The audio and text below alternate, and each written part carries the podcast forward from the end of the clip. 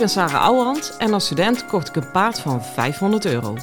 Toen hij 22 was, startte ik hem Grand Prix. Hij had nog nooit aan de teugel gelopen, dus het ging allemaal niet vanzelf. Het enige wat ik zeker wist was: never quit. Ik verslond alles wat ik kon vinden over de biomechanica van ruiter en paard. Dat testte ik net zo lang totdat ik wist wat echt werkte. In deze podcast leer ik jou alles over je rijtechniek, je houding en zit en je mindset. Want ook jij kan naar de Grand Prix gaan, zelfs als je geen miljoenenpaard hebt.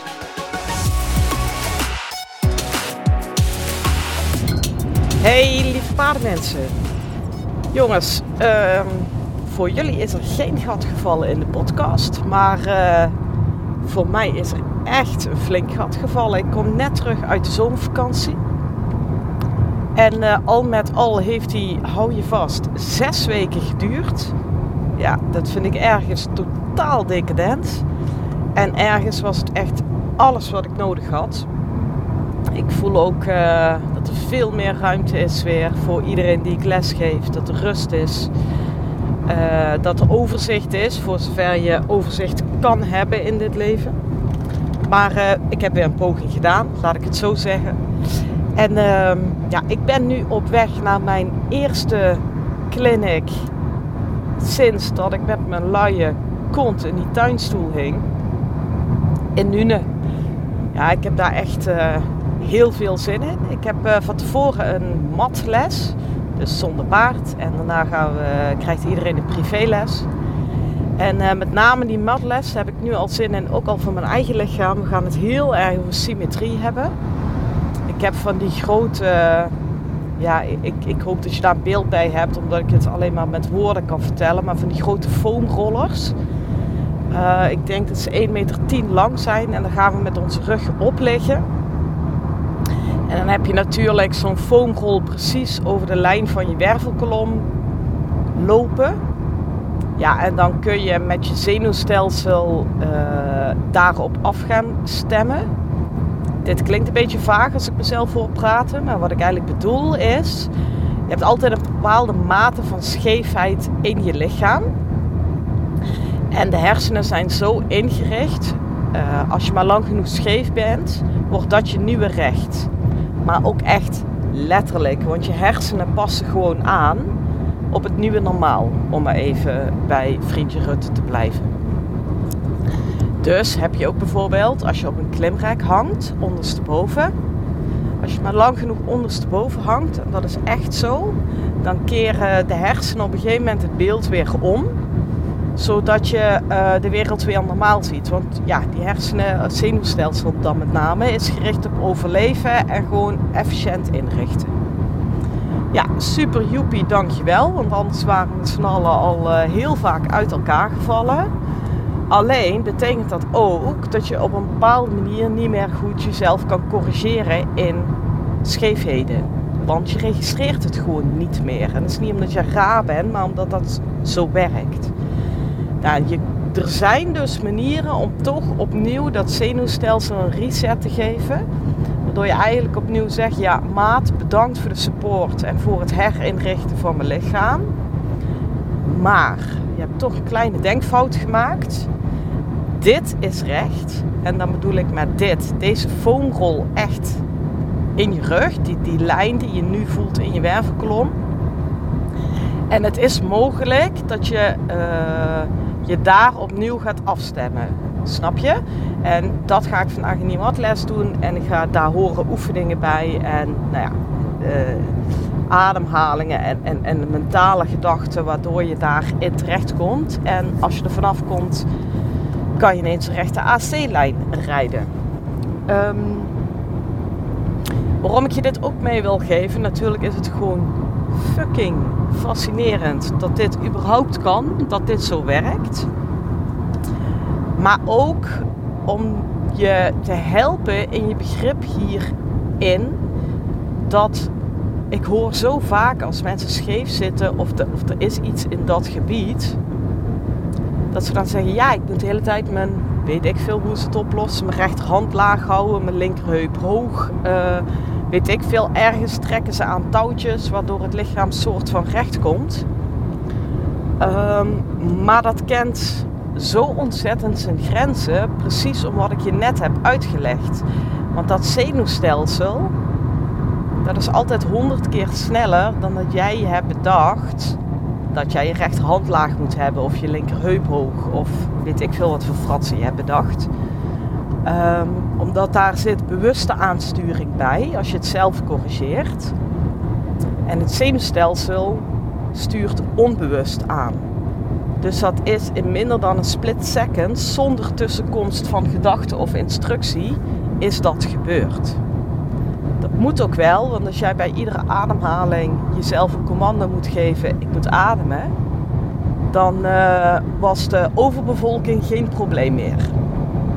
Ja, dus dat, maar dat is dus in rijen uh, lastig, waarom je soms met je lichaam in gevecht kan zijn. Want het onbewuste aansturen, dat wint altijd. Uh, en ik kan, en dat zeg ik met heel veel respect voor de complexe processen die in een lichaam plaatsvinden.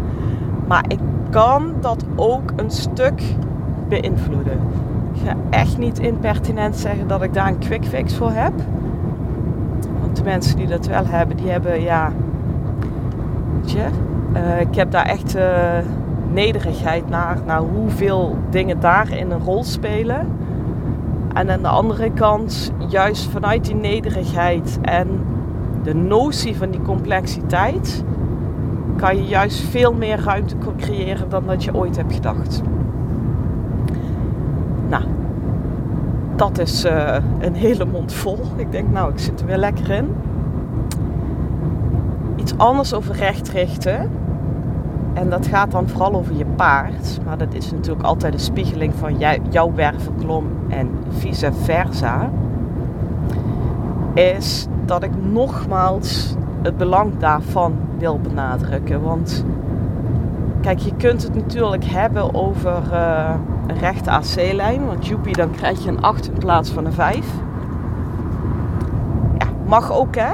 Uh, niks mis met het willen hebben van achten. Sterker nog, graag. Kom erop, we gaan trainen. Uh, maar in de essentie gaat dat recht richten over iets anders. En wat mij betreft, en nou ga ik misschien vloeken in de kerk, gaat dat zelfs niet over gelijke belasting van de gewrichten. Eigenlijk wel, hè? Maar uh, ik kijk heel erg biomechanisch en vanuit energiestromen van uh, de beweging die je uh, ergens instopt. Waar gaat hij naartoe en hoe verloopt dat? En dan kun je gaan stuiteren op het woord energiestromen. Maar ja, wat is het anders? En ik kan die zien. Daar kunnen we ook heel moeilijk over doen. Maar ja, die gave heb ik. En vanuit dat oogpunt kijk ik naar rechtrichten. Um, en dan bedoel ik wat je in het achterbeen stopt. Dit is even het standaard verhaal, maar er komt iets out of the box bij. Het is super tof om van achter naar voren te rijden.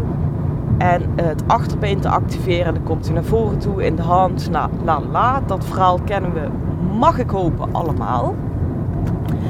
Alleen mijn vraag is altijd: kan de energie ook naar voren?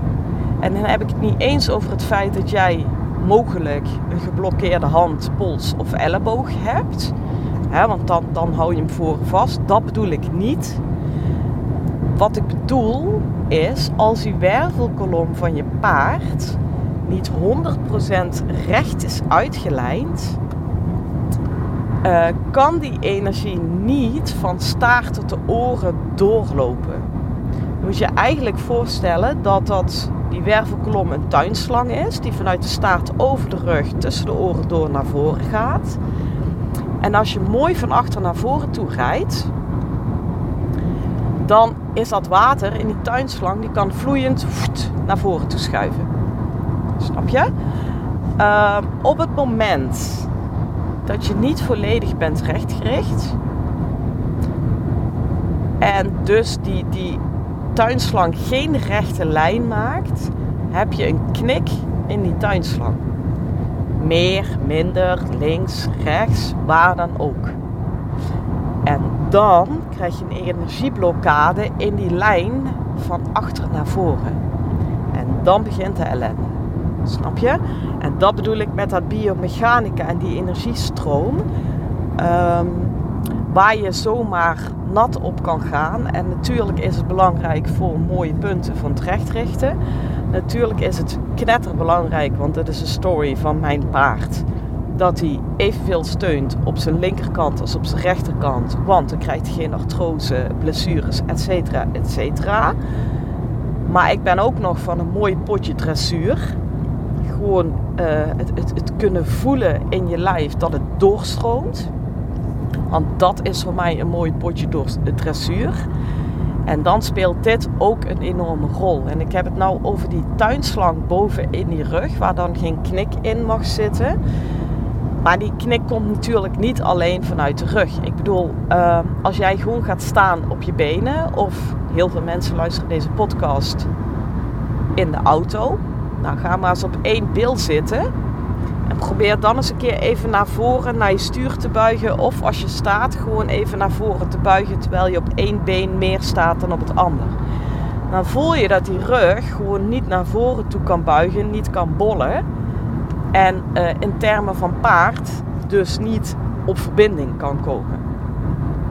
Nou, als je dan gewoon op twee billen evenveel gaat zitten of op twee voeten evenveel gaat staan en je buigt dan naar voren, ja, zoek de tien verschillen. Snap je? Dus die knik in die tuinslang boven, de buigzaamheid van die bovenlijn, die kan natuurlijk ook van onderop komen. Die kan zelfs van voor komen. ze blijven maar roepen van achter naar voren, van achter naar voren. Nou, daar wil ik graag tegenaan schoppen tegen dat heilige huisje. Want als voor totaal scheef op zijn pootjes staat, kun je ze veel van achteruit rijden. Het heeft je fuck zin. Sterker nog, hoe meer je van achteruit gaat rijden, hoe groter de slag in het wiel. Want dat is die knik in die tuitslang. Je hebt gewoon een slag in het wiel. Um, met de nuancering dat het natuurlijk wel zo is. Als jij meer van achteruit gewoon bam naar voren gaat rijden. Uh, dat het gros van de paarden, en dat is ook geen waterdichte wetmatigheid, daarom zeg ik het gros van de paden, trekt dan rechter. Ik wou zeggen vanzelf recht, maar ik vind het te ongenuanceerd. Maar in ieder geval rechter. En dan heb je het welbekende voorbeeld als je op de fiets zit en je fiets heel langzaam, dan ga je echt met dat stuur zwabberen van links naar rechts, van wow, wow, wow. En als je dan niks met je stuur doet, maar je gaat, dat doe je ook automatisch als dat gebeurt met je fiets, je gaat dan harder op de trappers uh, trappen en meer tempo maken, dan trekt die fiets vanzelf recht. Nou, uh, ik ga je het best bewaarde geheim van Nederland verklappen. Een paard en ruiter en gecombineerd ook nog eens iets complexer dan een fiets. Maar aan de basis is dit natuurlijk absoluut wel wat er een rol speelt. Uh, dus ik bedoel niet te zeggen dat als je het water in die tuinslang aanzet, dat het dan nooit. Ja, weet je, soms zet je dat water heel hard en dan springt ook die knik eruit. Dan trekt die recht. Maar soms is die knik in die tuinslang zo.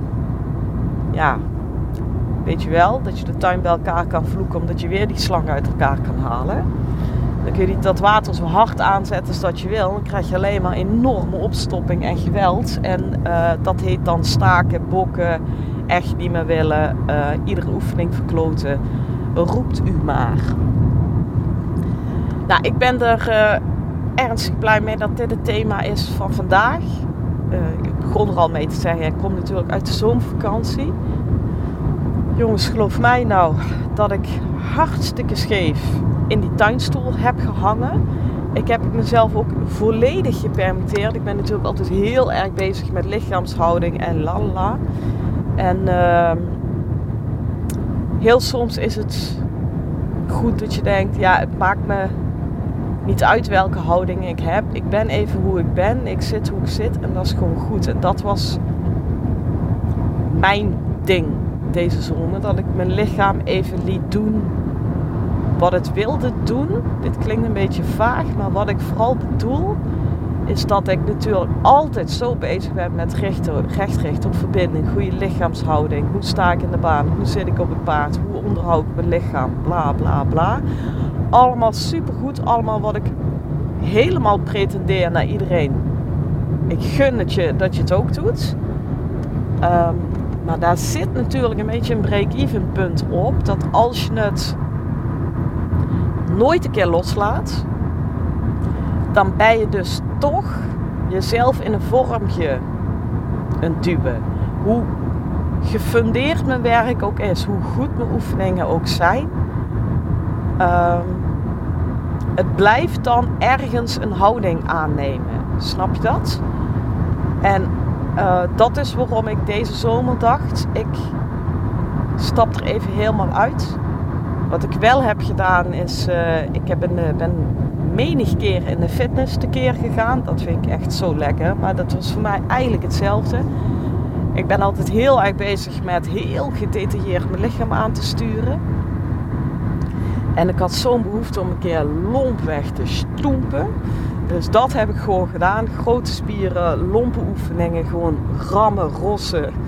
U, u, kijk, dus je moet me voorlopig ook niet tegenkomen in het donker, want ik leg je zo neer op straat. Maar um, dat was ook even een tegenhang. Aan de andere kant, ik ben het ook wel bij beu nou. Ik heb het, uh, het, spelletje in de fitness gespeeld. Testosteron is me om de oren gevlogen. Ik voel ook dat ik nu structureel scheef zit. Schever dan ik zat. En uh, ja, ik ga daar zelf ook weer heel veel baat bij hebben bij wat ik dadelijk ga doen. En dat is, daar wil ik dan ook mee afsluiten, wat ik altijd zeg en jullie ook weer mee wil geven. Um, dat lesgeven echt tweerichtingsverkeer is. Echt, echt, echt. Wat ik breng, krijg ik terug. Geef ik weer, krijg ik terug. Um, en ik denk ook dat dat, omdat dat gepingpong echt goed werkt en ik heel secuur ben om dat in evenwicht te houden, dat mijn bedrijf daarom zo goed loopt, um, mede mogelijk gemaakt dankzij jullie. Dus dankjewel daarvoor. Ik uh, ga lekker het laatste stukje nog een beetje voor me uitzitten te koekeloeren, dadelijk spulletjes uithalen. En uh, ja, ik wens jou een hele fijne dag en veel plezier met je paard. Hoi!